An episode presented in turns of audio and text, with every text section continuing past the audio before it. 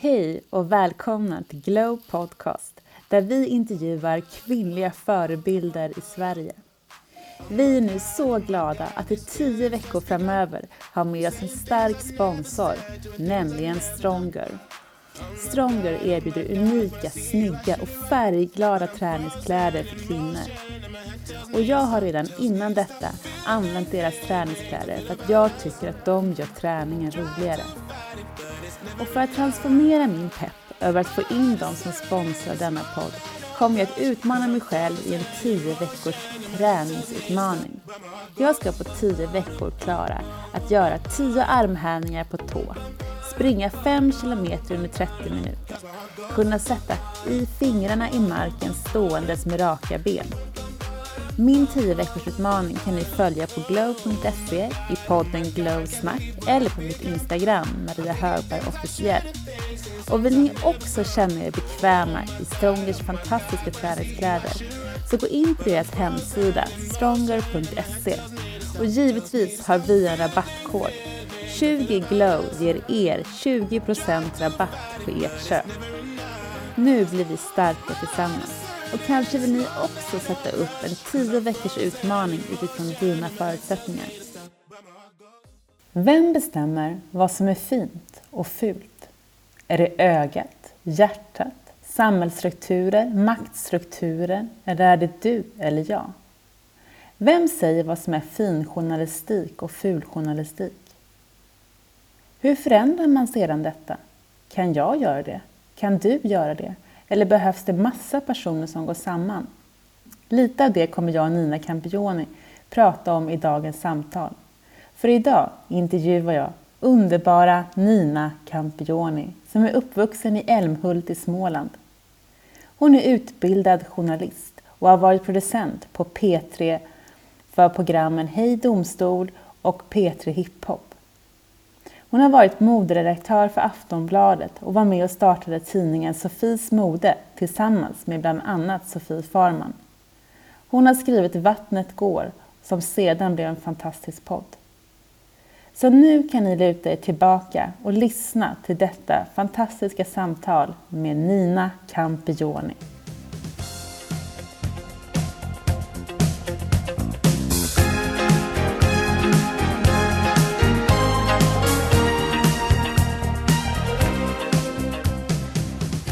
Men hej och varmt välkommen hit! Tack så hemskt mycket! Eh, jag brukar göra så att vi brukar få checka in först. Okej. Okay. På en skala 1 till 6, hur mår du idag? Där 1 är jättedåligt och 6 så mår du helt fantastiskt. Åh, oh, gud. Eh, bra grej att göra ändå, tänker jag, på dagen sådär. Eh, jag skulle nog säga 3 eftersom min son är extremt hostig och därmed hostat hela natten och jag har inte sovit så bra. Så det påverkar ju ganska mycket. Men alltså, det skulle jag, ja, ja, vi landar på en trea tror jag. Mm. Det där är ju jobbigt när barnen är vakna och hostar och man bara vill sova liksom. Ja, exakt. Precis så.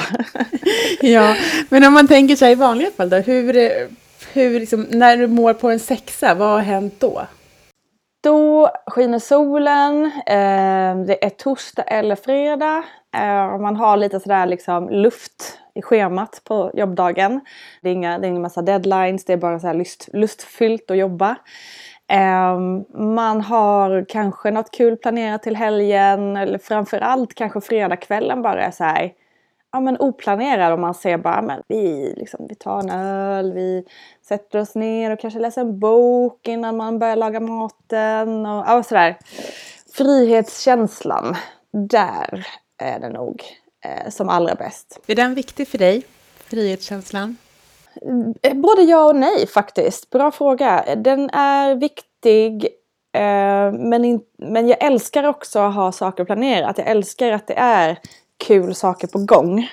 Mm. Um, men däremot så, så tycker jag kanske inte om att uh, planera saker för långt fram.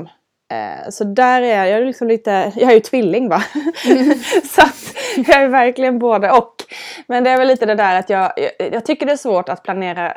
Som, som till exempel har vi, vi håller på att planera en skidresa till nästa år. Och jag kan liksom inte förmå mig själv att trycka på knappen som heter boka utan jag, ja, jag vill ju, vi ska åka men jag kan liksom inte riktigt trycka på knappen för att liksom, det är någonting, något motstånd där att det verkligen är liksom bestämt. Samtidigt som jag absolut vill ha saker liksom planerade framåt. Mm. det är väldigt, eh, lite krig inombords, eh, mina två tvillingsjälar antagligen.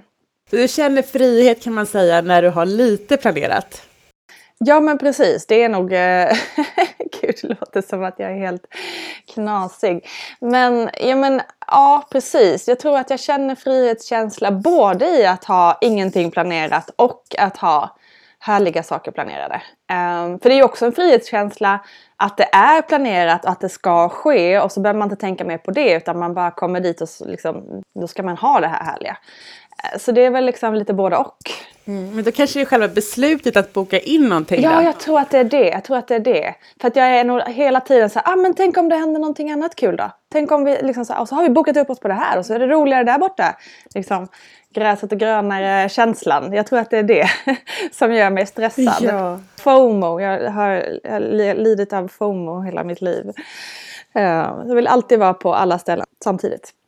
För du har ju gjort väldigt mycket. Du har ju många olika liksom, inriktningar men i grunden så är du journalist. Precis, det stämmer. Ja, och hur, eh, hur fick du intresset för journalistik från början? Eh, ja, men det tog lite tid faktiskt. Jag hade ehm, en ganska lång period från att man slutade gymnasiet till att jag började plugga på universitetet där jag inte visste alls vad jag ville göra. Eh, jag är uppvuxen i Älmhult och då är ju IKEA liksom oftast det steget man tar när man pluggar på gymnasiet och liksom ska jobba lite extra och sådär. Mm. Så jag kom in där ganska snabbt och fortsatte jobba där efter gymnasiet eftersom jag hade liksom ingen plan, jag hade ingen aning. Liksom bara 17 Dels lite skoltrött men också lite så här, vad, jag har ingen aning om vad jag vill göra eller jobba med, liksom vad min dröm är.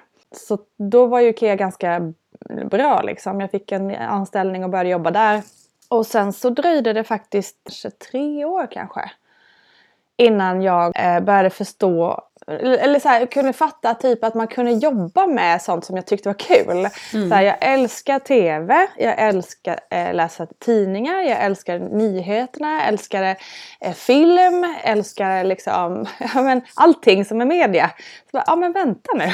Det finns ju utbildningar som heter liksom medieproduktion, det finns utbildningar som heter journalistik. Det finns så, här. Så där, där först eh, kom det och då hoppade jag först på en, en, bara en kurs i journalistik och insåg ju att herregud, det är ju precis det här liksom. Så det var liksom som en, en magisk dörr öppnade sig i mitt huvud där jag liksom förstod att okej, okay, hela mitt liv har jag ju älskat att läsa tidningar, böcker, stanna uppe hela nätterna, kolla på Oscarsgalan. Du vet så här, saker som in, inte mina jämnåriga liksom, barnkompisar gjorde. Mm. Eh, och så bara, men just man kan ju faktiskt jobba med, det, det finns liksom ett, ett yrke mm. som, som tar in alla de här ämnena. Det var ju helt overkligt. Så att det, tog en, en, stund för mig att fatta men när, det, när, när jag väl fattade det så, så var det liksom, då föll allt på plats kan man säga. Mm.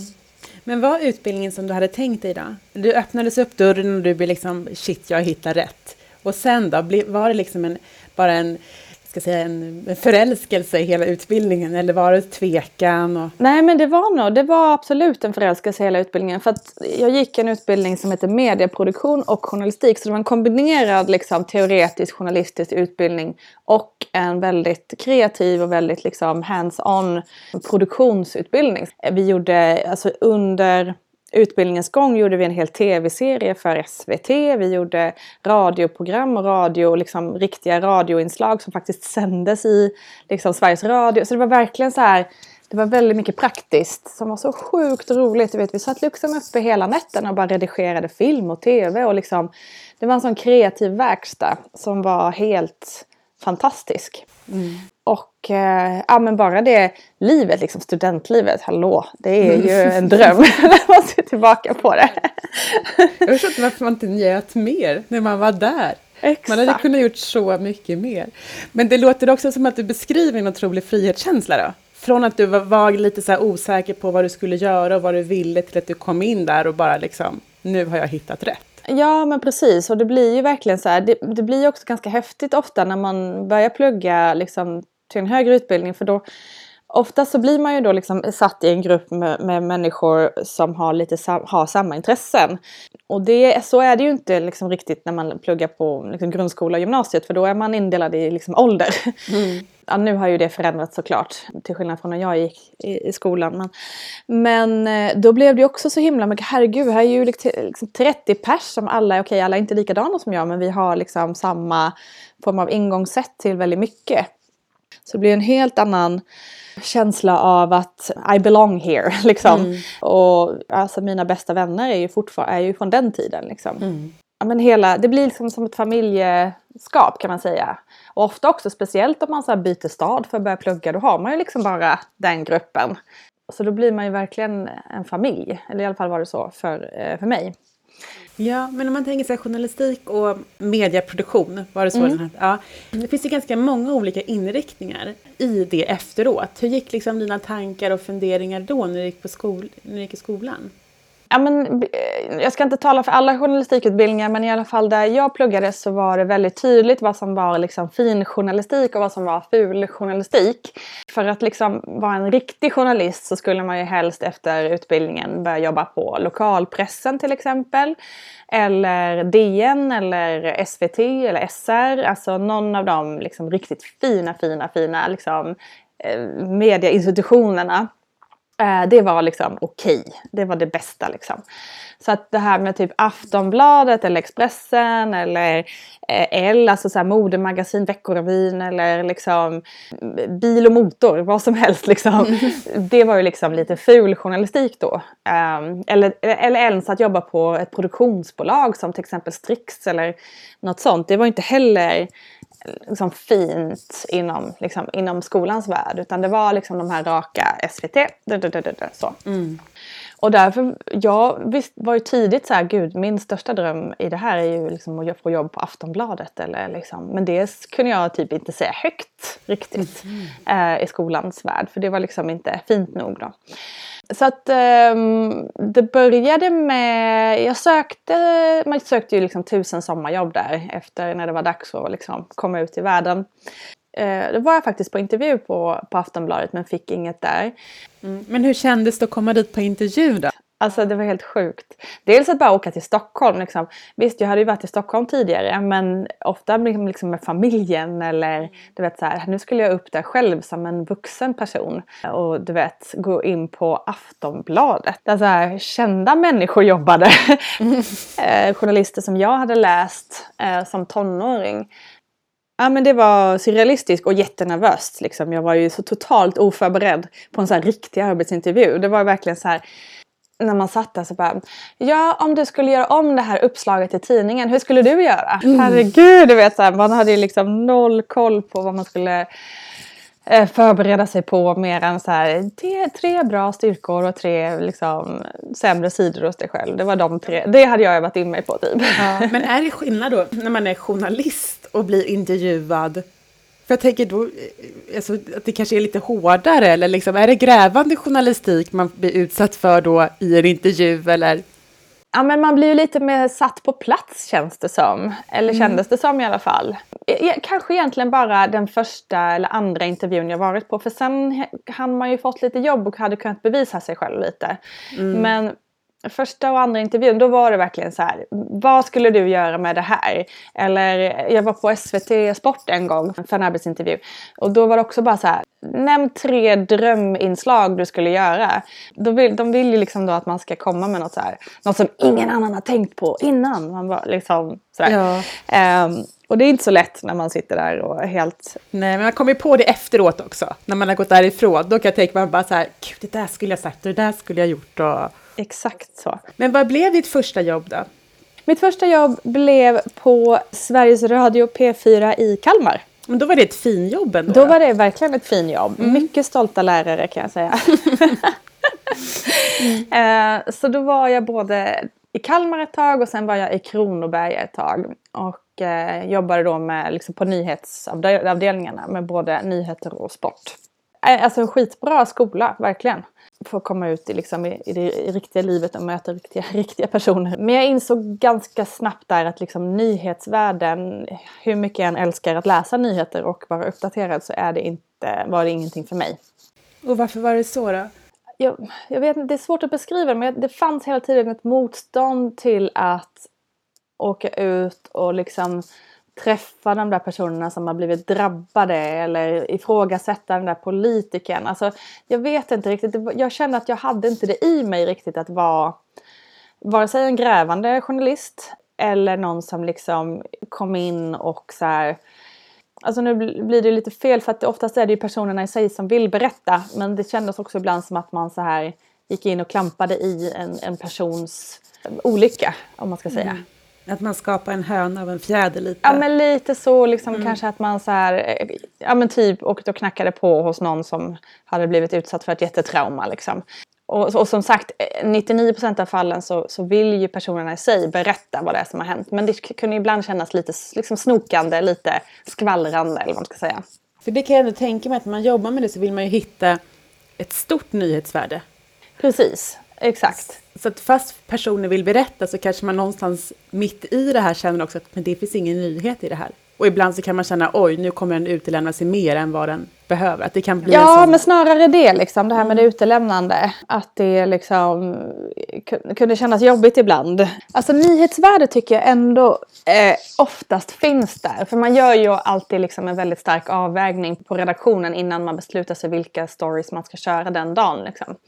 Men just det där att, oh, nej men ska jag åka ut nu och träffa den här personen som, som har varit med om det här och jag vet inte, jag känner, jag, kanske också att jag var för ung, jag vet inte. För idag så, så pratar jag ju väldigt mycket med personer som har varit med om både det ena och det andra i, i min podd. Men jag kanske var för ung också där, att 24-åringen som som satt och pratade med pensionären som hade blivit av med alla sina besparingar. Alltså jag vet inte. Det kanske var lite så också att jag inte bara var redo för det ansvaret kanske som, mm. som det faktiskt är att, att ta in alla de här personernas eh, berättelser. Det var bara inte riktigt för mig. Jag kände att det var inte, jag hade inte drivet där. Jag var inte hundraprocentigt engagerad i, eh, i det jobbet. Mm. Och det var ju bra att upptäcka det ganska tidigt känner jag. Så jag kunde börja liksom, dra mig åt ett annat håll.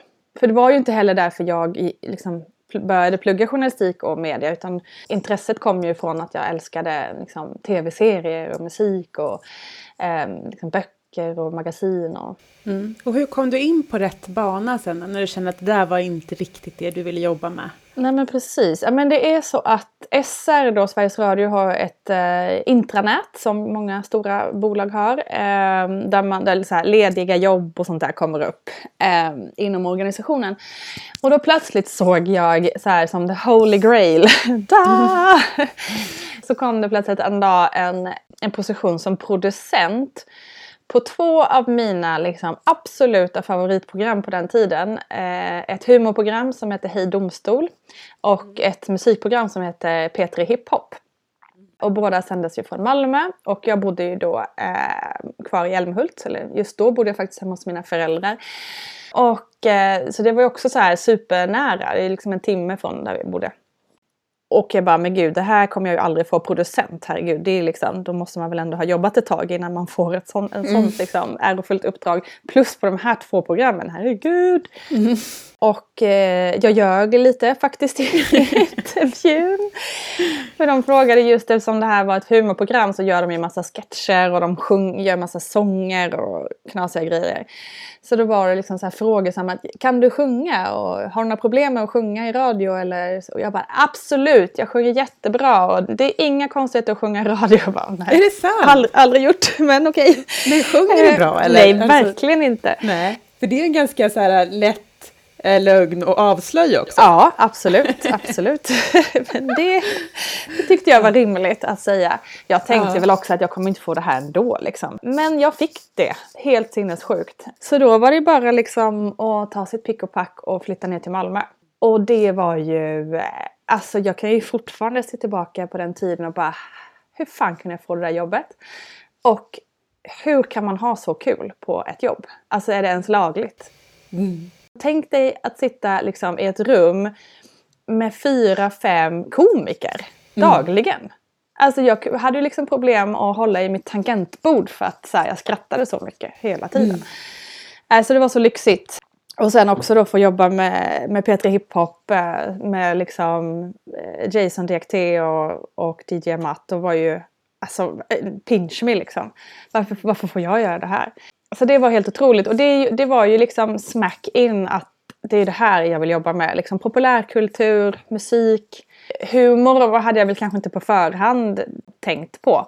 Men att få göra det där var ju otroligt. Men det var att jag kom in i liksom P3-svängen och fick liksom vara, för P3 är ju verkligen ja, men, aktuell, aktualitet och populärkultur i skalet så att säga. Men fick du sjunga någon gång då? Jajamän! Hur gick det då? För många gånger skulle jag säga.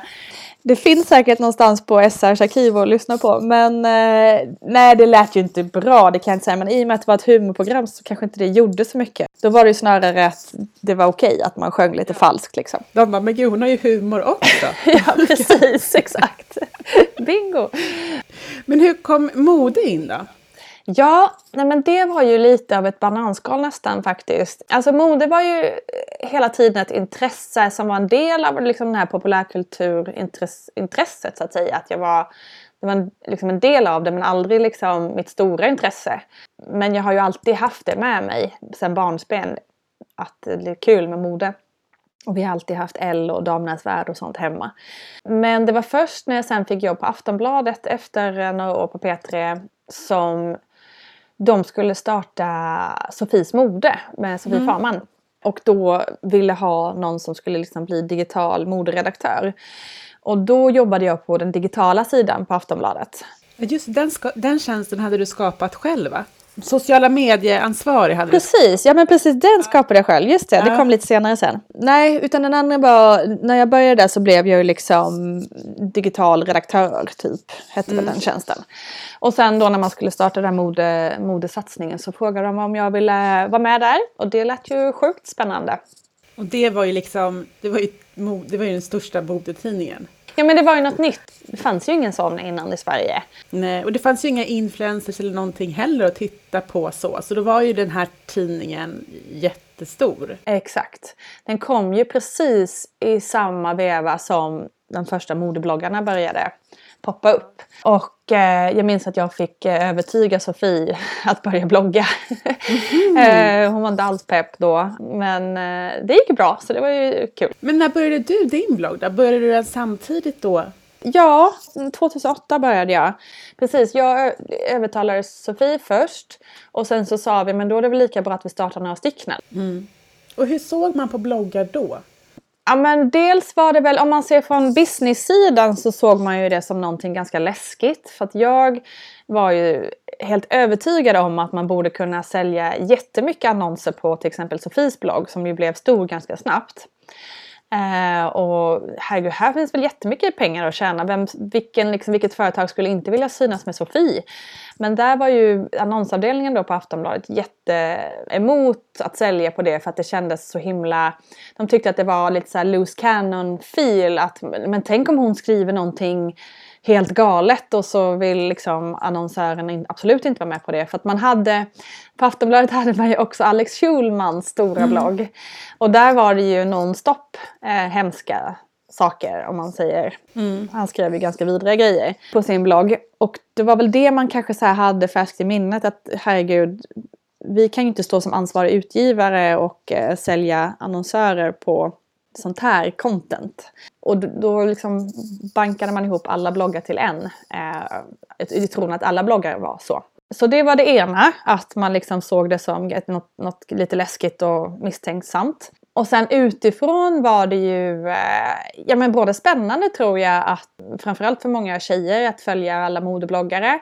Men sen fick det också jättemycket kritik naturligtvis för att det såklart var tjej, unga tjejer som startade de här bloggarna. Och då måste man ju kritisera dem naturligtvis. Så det blev ju också lite så här, åh oh, gud, vad är det här för banalt, dagens outfit och vad jag har ätit idag, vad är det för meningslöst dravel, sådär. Mm. Så det var ganska mycket olika infallsvinklar på det. Och det enda som har förändrats egentligen är väl det här med annonstänket. För nu är det ju det big business helt klart. Mm. Ja men gud ja, nu är det en helt annan, ja. annan. Men jag tror också, har man inte fått lite mer förståelse för att det är personerna som... Jo, absolut. Nej men jag tänker bara för att vissa har ju bara en dragningskraft. Ja. Det, det är så att man kan liksom, man måste kolla vad de gör. Exakt. Och det, det, spelar egentligen ingen roll vad personerna gör längre för att det är bara intressant. Och jag tänker din blogg har du ju också väldigt mycket olika infallsvinklar i. Jo men precis och det har ju verkligen blivit så att många bloggare har ju blivit stora makthavare eh, och blir de som man ringer till för expertutlåtande och allt möjligt idag. Eh, så självklart har det förändrats men det är fortfarande så här om man ska slå ner på bloggeriet så är det ju fortfarande så att kritiken är så här, oh, unga tjejer som visar upp sina outfits. Det är ju liksom en gammal sanning typ. Mm. Som fortfarande tas till för att, ja, för att trycka till unga tjejer kan jag tycka. Ja, men det är samma sak som det var förut, så här, dumma blondiner. Det hör man kanske inte så länge, men det var ju så här, hur länge kan man säga det? alltså, hur länge kan man bara komma undan med att alla blonda personer är dumma i huvudet? Alltså, ja. liksom, ja, men man blir så trött på det där. Och sen också typ att man, man får också, för det tycker jag är så intressant, så här, vad man får klanka ner på, vad man inte får klanka ner på. Mm. Man kan säga dumma blondiner, jag vet inte om man kan säga det längre, det var så länge sedan jag hörde det.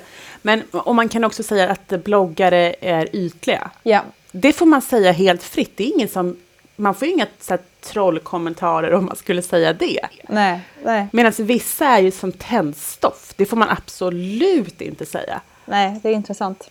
Ja, men det är verkligen intressant. Vem som bestämmer vilka fördomar man får ha och vilka fördomar man inte får ha. Mm, exakt. Nej, det är väldigt konstigt. Och jag tycker verkligen att bloggarna om, om något har liksom bevisat att det är långt ifrån yta. Eh, för det är ju otroligt personligt, det är otroligt liksom, djupt på många håll. Och man bjuder ju verkligen in sina läsare i sin privata sfär. Nej, det är ett konstigt, konstig analys på, på vad bloggar är. Ja, men det är mer en oförståelse tycker jag för de som säger kommentarerna. Ja. Alltså det med att de inte är insatta, det är någonting som inte de känner till eller har makt över. Det kan ju också vara en sån sak att liksom makten ligger hos kvinnor. Ja. Uh, och därför så är det lättare att förne, liksom, trycka ner den för att höja sig själv. Men egentligen så blottar man ju sin egen uh, okunskap inom ämnet eftersom att de här, liksom, du och många driver ju stora liksom, plattformar som man får betala hur mycket pengar som helst för. Liksom. Mm, precis. Nej men verkligen. Och det är precis som du säger att det, att det handlar mer om okunskap och en vilja att trycka ner. När man liksom ja, säger att det är yta och handlar om mode och smink. Absolut en del av det på många ställen. Men väldigt, väldigt liten del ganska ofta. Det började ju så att det började med dagens outfit. Men sen har det ju utvecklats enormt. Men det kanske också bara var ett sätt för att man såg att andra gjorde det. Kan det inte vara så då? Att man såg att det, här, det är så här man gör. Mm. Jag vet att jag intervjuade Therese Lindgren. Så berättade hon att i början när hon började vlogga så försökte hon låta som alla andra som vloggar. Ja, bara för att få passa in i mallen ja. där. Och så är det egentligen när man går på, tänker på första anställningsintervju på Aftonbladet så kanske du klädde dig som alla som såg ut där. Ja.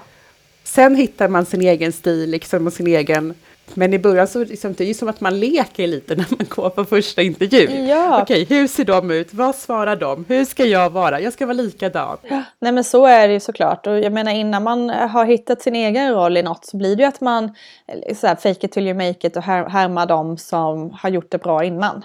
Så är det ju. Eh, mm. Innan man hittar sin egen röst. Men när känner du att du fick ditt varumärke eh, satt? När blev du liksom en profil och ett varumärke? Det, det, är nog två, det är nog uppdelat i två skulle jag säga. På Aftonbladet blev det lite sådär att när Sofie eh, flyttade till New York så blev det ju lite så att hon kunde inte gärna ta allt, ta alla uppdrag och sådär. Och då blev jag liksom hennes stand-in kan man säga. Till en början där jag eh, ja, men, kanske tog liksom, vissa jobb åt henne, hade hand om vissa events. Eh, jag fick bli den som gjorde, ja, men, gjorde vissa saker. Och då plötsligt började jag bli liksom, ett namn i mode, Modesverige kan man väl säga. Och sen så utvecklades min roll mer och mer på Aftonbladet och jag blev lite mer en profil på Aftonbladet som inte bara hade med mode att göra utan jag gjorde olika tv-program och vi gjorde ett filmprogram bland annat. Och lite så. Och sen så började jag göra SVT och morgonsoffa, prata mode där. Så att jag liksom blev lite ett eget namn inom mode där. Sen så när jag sen sa upp mig på Aftonbladet, det här var ju då 2014, efter att jag fått min dotter. Då var det som att jag lite så här klev ur Aftonbladet och mitt eget skal också. och startade den här Vattnet går-podden. Eh, blev min egen, alltså skapade mitt eget företag. Mycket mer inom mig själv än kanske utåt sett. Eh, så, så blev jag min egen. Ja, jag växte upp ordentligt kanske inom mig själv mycket mer. Eh, och insåg att jag hade saker som jag själv kunde förändra och, och skapa och, och liksom växa på egen hand. Ja, men innan var jag nog ganska, inte så tuff för fel ord, men jag var nog lite, det var ganska skönt att så här ställa sig bakom Aftonbladet lite och inte behöva stå helt själv. Så då var det ganska gött att vara Nina på Aftonbladet. det var jag mm. ganska länge. Och det var ju härligt. Men sen när jag väl var mogen och stark nog att köra eget så, så gjorde ju det jättemycket för min egen självkänsla och så. Som sagt, det kanske inte märktes så mycket utåt sett, men inne i mig så var det jättestor skillnad. Mm. Och hur fick du idén till podden när Vattnet går? Eh, ja men den kom ju efter att jag hade då fött min dotter Essie. Eh, och var helt chockad över hur fasen det var. Att man bara va? Ursäkta? Det här var ju tusen mil värre än vad jag trodde att det skulle vara. Och jag kände bara så här, men herregud, vi måste prata mer om det här. Det är vansinnigt vad, vad liksom kvinnor går igenom. Det här är vansinnigt vad jag har gått igenom. Liksom mm. verkligen så här jättebehov av att dels älta min egen berättelse och också höra andras. Det här var 2014 och poddarna hade precis blivit en ganska stor grej med Alex och Sigge och Hanna Amanda och, och de här. Men det var inte så pass stort än att det fanns massa så små specialpoddar. Utan det var de här stora liksom, snackispoddarna där två profiler sitter och pratar. Det var det som var podd, podderiet på den tiden. Och så det fanns liksom inga förlossningspoddar eller gravidpoddar eller så. Nu finns det ju jättemånga. Så eh, då hade jag på Aftonbladet jobbat med just Hanna och Amanda. Och de hade ju startat sitt eget, egna bolag där eh, med Perfect Day och de fokuserade just på poddar. Mm. Så då gick jag till dem och bara, hörni jag har en idé om en gravidpodd. Och de bara, sold, let's do it. Så då, ja, gick det fort. Mm, gjorde du den där på det? Ja, precis. Jag gjorde det där. Så det gick ju väldigt fort från idé till att vara igång med produktion. För jag kommer ihåg att jag satt typ, mitt tredje barn, då hade jag precis bestämt för att jag skulle göra kejsarsnitt. Mm. Och liksom, det fick ganska mycket motstånd till det märkte jag då. Ja. Att, och så, och så att jag och googlade, jag, bara, jag måste bara, och du vet barnmorska också, alltså alla är ju så här tveksamma. Och då kommer jag ihåg att jag kom, satt i eh, väntrummet till min barnmorska ja. och då googlade jag in på det och satt och lyssnade på ett avsnitt. Och då kände jag mig så trygg efteråt. Ja, vad fint. Ja, men jag kände så att, men att det var, du hade en jättebra vet ni, en sköterska med dig, eller barnmorska, som, som, som pratade om det här. Då kände jag bara så här, men gud, det, det är så odramatiskt. Ja. Att vara gravid, det är ju så dramatiskt. Ja, I alla fall för en person som är kanske lite dramatisk som jag är. Och då blir det så att man tar in så himla mycket och så vill man göra rätt, man vill inte göra fel. Alltså det är som du säger, det är så, så stort liksom. Mm. Och det är bara så skönt att bara luta sig tillbaka och bara lyssna på det avsnittet. Ja, vad fint, vad glad jag blir. Mm. Vad härligt. Det är precis det jag liksom har velat med podden, att man ska känna sig ja, men dels mindre ensam och känna trygghet i att det kommer bli bra. För att, så precis som du säger, det är sjukt dramatiskt att vara gravid. Det händer så mycket i kroppen och det är så mycket som... Alltså det är ju liksom ett liv man har mm. i sina händer. Så mm. det, man är liksom hela tiden på helspänn att någonting ska gå fel eller att man ska göra någonting som, som gör att det blir fel. Mm. Um, och det jag tycker var så häftigt, för att mina två första, då sa de till mig så tror att du är gjord för att föda barn. Så jag trodde ju på det här. Mm. Alltså jag trodde ju att mina förlossningar hade varit jättebra. De var inte ett dugg traumatiska. Jag var ju liksom, jag var gjord för det. Tills jag blev gravid tredje gången. Mm. Och då kom det. Alltså då kom alla känslor, bara bubblade upp inom mig. Som jag hade liksom trängt undan. Mm. För att jag hade ju fått höra att jag var jätteduktig på att föda barn. Men oh, vet, jag kunde inte stoppa det. Nej. Och det är det här som jag tror så här, det är bra att man får höra det, men just det här med ältandet efteråt är så viktigt. Mm, för att man har ju varit med om någonting som är liksom otroligt traumatiskt, det ju ont, alltså det är ju det är mycket som händer där. Ah, och får man inte bearbeta det här så byggs det ju inom en. Och hade inte jag fått mitt tredje barn så hade jag ju trott det här hela livet. Ah. Att så här, men gud, det var inget problem för mig att föda barn. Nej. Och så är jag kanske en väldigt obehaglig människa. Men nu har jag liksom så här fattat, nej men gud, det här, det här var inte alls härliga upplevelser för mig. Nej men exakt och det är verkligen en sak som jag, jag har en liten plan om ett litet upprop här framöver. Att man måste få till eftervården i Sverige. Det finns liksom noll stöd för kvinnan som har varit gravid som liksom i nio månader fått jättefint stöd från liksom MBC och, och så. Men när man väl har fött barn så skiftar ju fokus direkt på barnet och mamman blir liksom bortglömd. Och jag tycker att alla som har gått igenom en förlossning ska ha rätt till alltså minst ett samtal med terapeut efteråt. Framförallt förstagångsföderskor, att bli förälder. Det är ju, alltså oavsett hur bra förlossningen har gått så är det ju en smärre chock. Att gå igenom en förlossning är, tycker jag, traumatiskt även om det har gått medicinskt hur bra som helst. Så är det en sån otrolig omställning om man är med om någonting som är helt utomjordisk nästan. Fastän det så, så naturligt det bara kan vara. Så är det ju en jättepåfrestning både mentalt och fysiskt. Och hela den omställningen att bli förälder. Det är en jättetuff utmaning för liksom, det mentala. Så jag, jag tycker verkligen att alla skulle behöva just gå igenom vad är, vad är det som har hänt. För det är också en sak att gå vara i en förlossning. Det är ju jättemycket som är en stor dimma. Man, man, det, liksom tidsuppfattning, allting bara försvinner ju. Eh, och man vet knappt vad som har hänt. Och att sen då få gå igenom sin journal och bara, aha, det var så här det gick till. Alltså få en förståelse för vad som har hänt. Varför förloppet gick som det gick och så vidare. Det är jätteviktigt tror jag. Ja, men som i ditt fall, liksom, verkligen att man ska kunna gå vidare och, och inte bära det med sig som en stor liksom, puck på ryggen som man inte tar i. Nej. Att bara någon, någon säger så här att efter förlossningen så kommer du vara väldigt känslig. Det är jättebra om du pratar om det. Ehm, det finns säkert sekvenser som kanske var, var mer dramatiska. Det kanske var sådana som var härliga. Men alltså, För det, det, den är så stark upplevelse. För det, när man föder barn så är det på ett sätt så känner, känner man så att gud, jag har en funktion. Att man verkligen säger, gud, nu är jag ett djur. Alltså typ så, Ja. nu, nu har jag någon mening. Ja. Men samtidigt så är det ju också någonting som är så chockerande, alltså för man har ju aldrig varit med om det tidigare. Nej, precis. Och sen så har jag, när jag intervjuade Mia Fernando, så är det också den här kunskapen om att det är så få som vet hur man ska sy ihop. Så det behövs ju, så jag tycker att alla uppror, allt, alltså det måste bli mer transparens kring det. För det kommer bli mycket enklare. Exakt. Så det är ju, jag stöttar dig när du, när du kör. Ja, vad bra. Det behövs verkligen. Tack så mycket.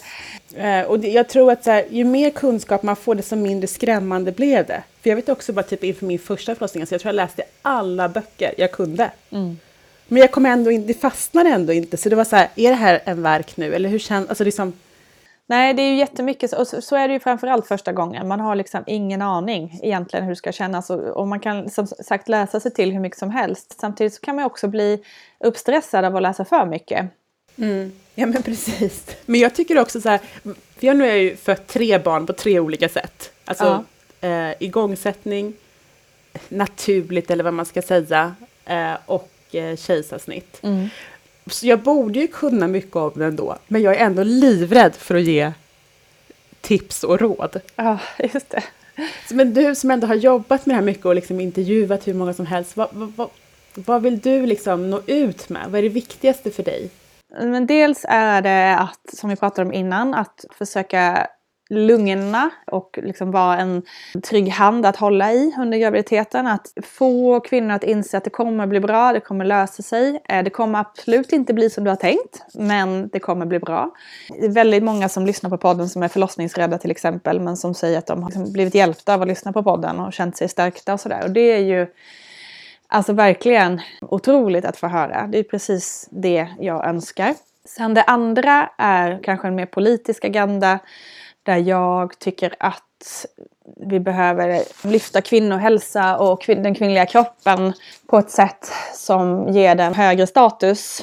Där vi genom att prata om kvinnokroppen, göra det helt icke-dramatiskt att prata om kvinnliga underlivet eller eh, att man bajsar på sig på förlossningen, att man, vi blöder. För mig är det liksom lite av ett mission att Det ska bara vara helt normalt att prata om det här. Det är liksom inga konstigheter, det är ingen skam, det är inget, inget smutsigt, inget läskigt. Så som det har varit tidigare har det varit att man helst inte ska prata om sådana saker. Eh, nu har ju det tack vare yngre generationer också luckrats upp och det har blivit mer eh, okej okay att prata om mens och sådana saker. Eh, eller, det verkar inte vara dramatiskt alls i den yngre generationen vilket är fantastiskt. Men dels det, men också ja, men det här med förlossningsvården, att det hela tiden besparas på kvinnohälsa. Det är ju en, också en jättestor del av poddens mål. Att hela tiden ha det på agendan, att det hela tiden ska lyftas. Att vi behöver höja status på, på kvinnohälsan. Men du har ju gjort uppenbarligen liksom skillnad för, för individer som lyssnar på den och för mig också inför min tredje. Men känner du också att du har fått något genomslag politiskt eller i debattrummet? Att du liksom kan påverka även i större sammanhang? Ja och nej. På sätt och vis så har ju liksom podden skapat upp att jag, så nu har ju det såklart också att göra med att jag har en bakgrund på Aftonbladet, men jag skriver krönikor på Aftonbladet som är eh, debattfokus på och då är det ju ofta kvinnokroppen eller familjelivet som debatteras. Så där är ju också en ytterligare plattform att liksom lyfta de här frågorna. Men jag har, jag har också blivit uppkallad på regeringskansliet, låter det som att man... Mm.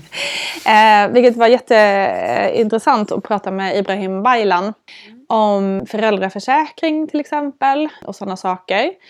Eh, jag har varit med i Almedalen, pratat förlossningsvård.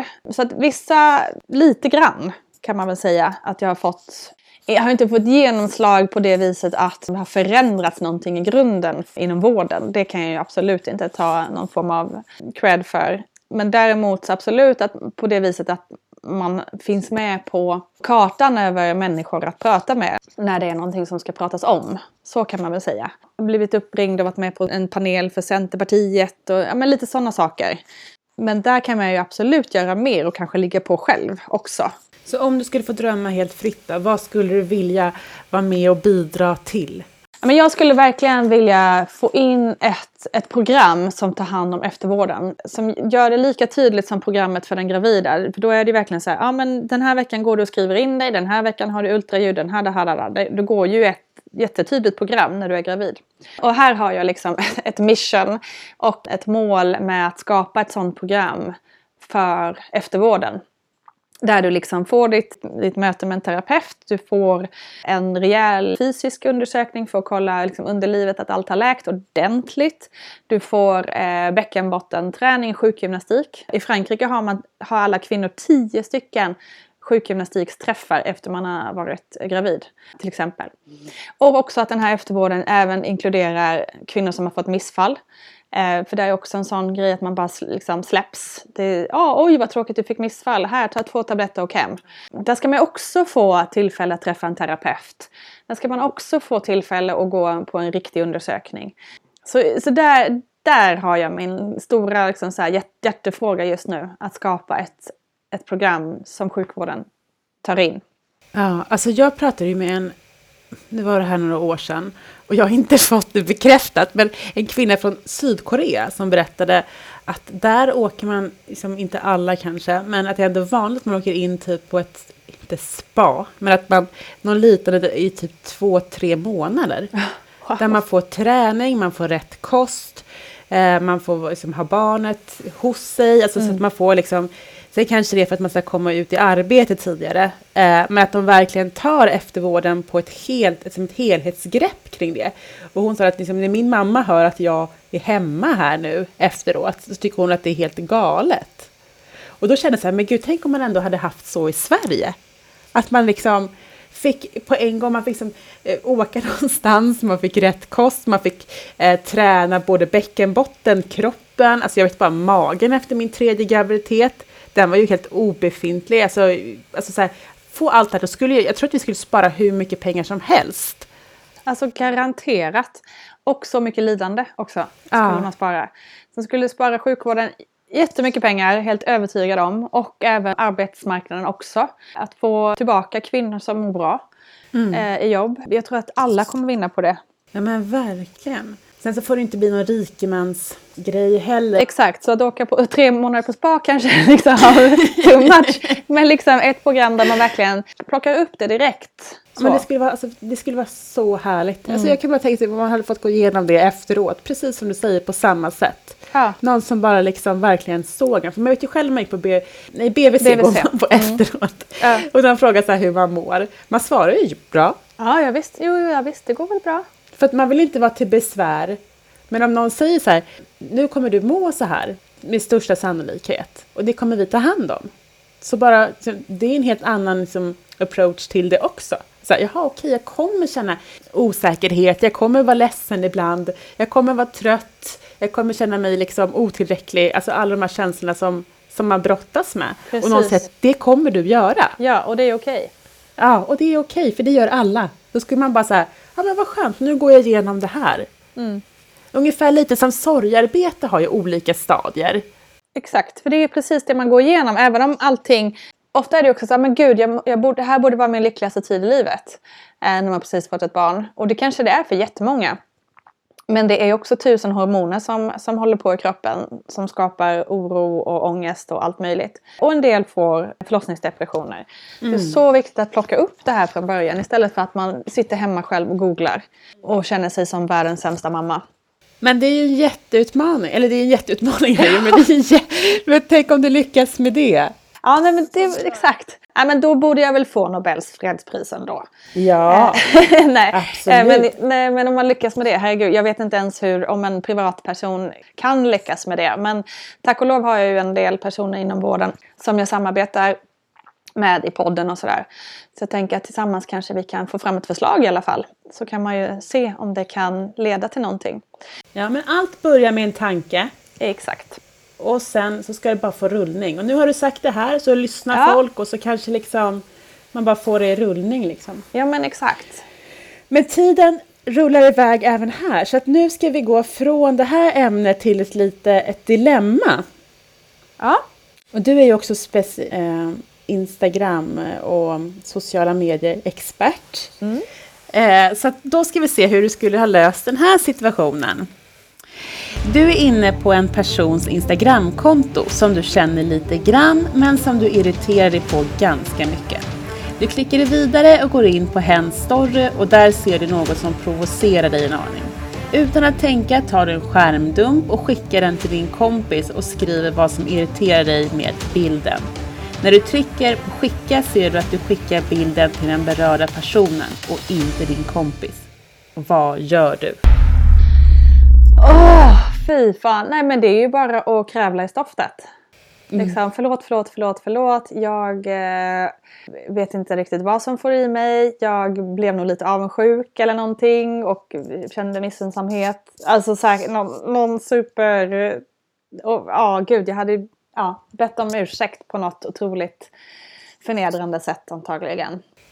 Har du varit med om något liknande eller fått någon bild skickad fel till dig? Mm, Nej, jag har inte fått någon bild skickad till mig. Jag har vänner som har varit med om exakt det här, alltså att de har fått det skickat till sig.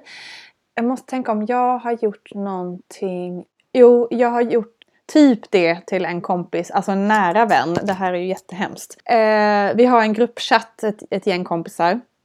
Och så hade jag ställt en fråga och fick ett litet så här, tyket svar, tyckte jag, av en person. Så då skrev jag i en annan chatt till en annan kompis bara, men hallå, alltså så här, var inte det lite otrevligt? Ja, long story short. Men då blev det liksom att hon också såg det i den andra Nej. chatten, för hon var med i den gruppen, vilket jag inte trodde hon var. Ja.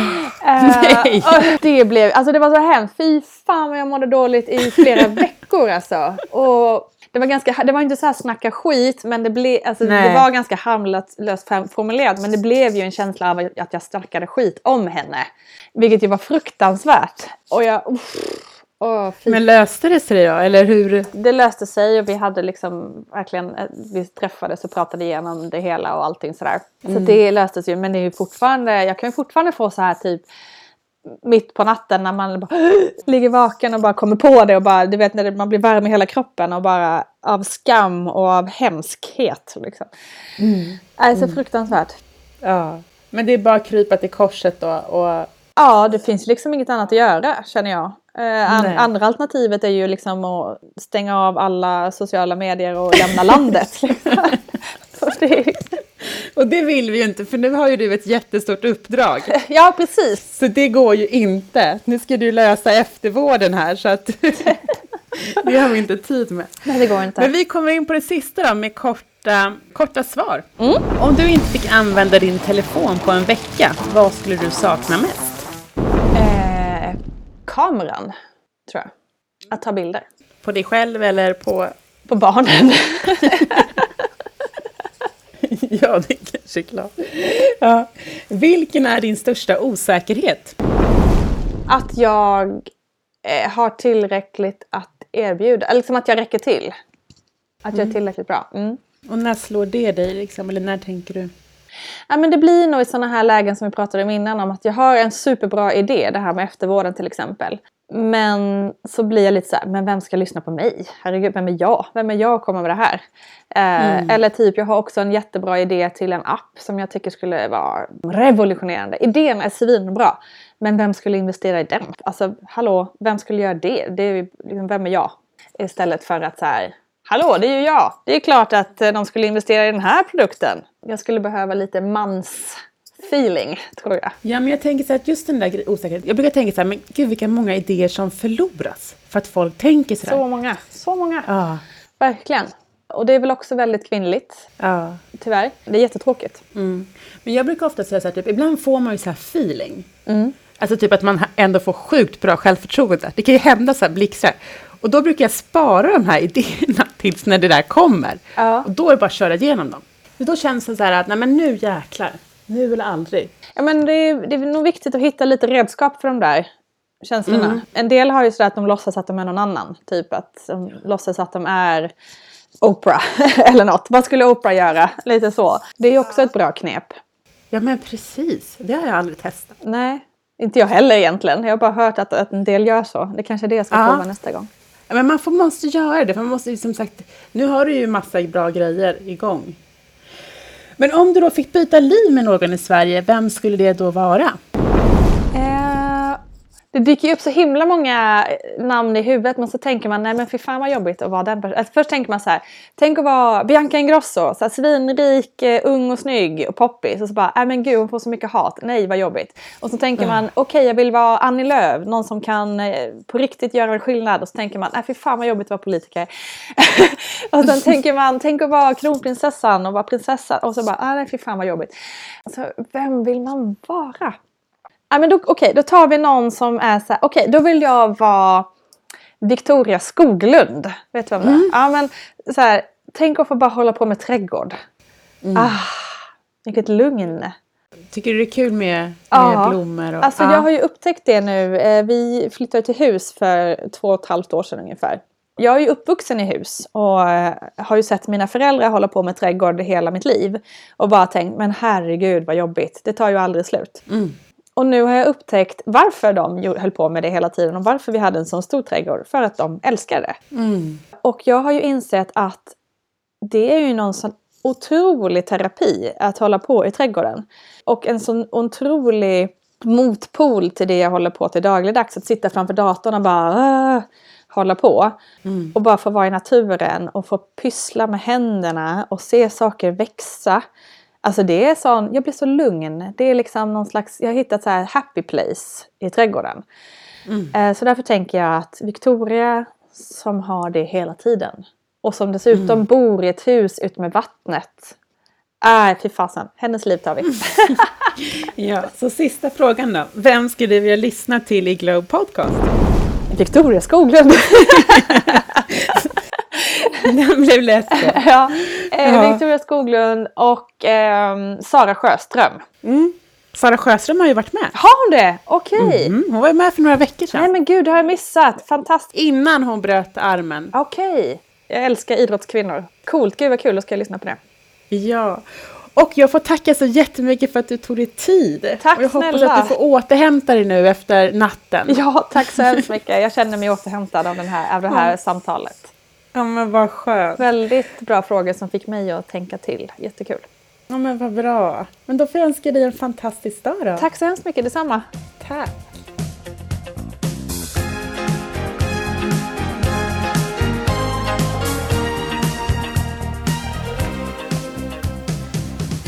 Det var allt från intervjun med Nina Campioni. Och vad skulle du vilja ändra på om du hade makten att bestämma vad som är fint och fult? Eller skulle allt vara fint då? Kan allt vara fint om inget är fult? Fundera vidare på det och hör gärna av dig med dina tankar till hejatglow.se. Önskar er en fantastisk dag! Framtiden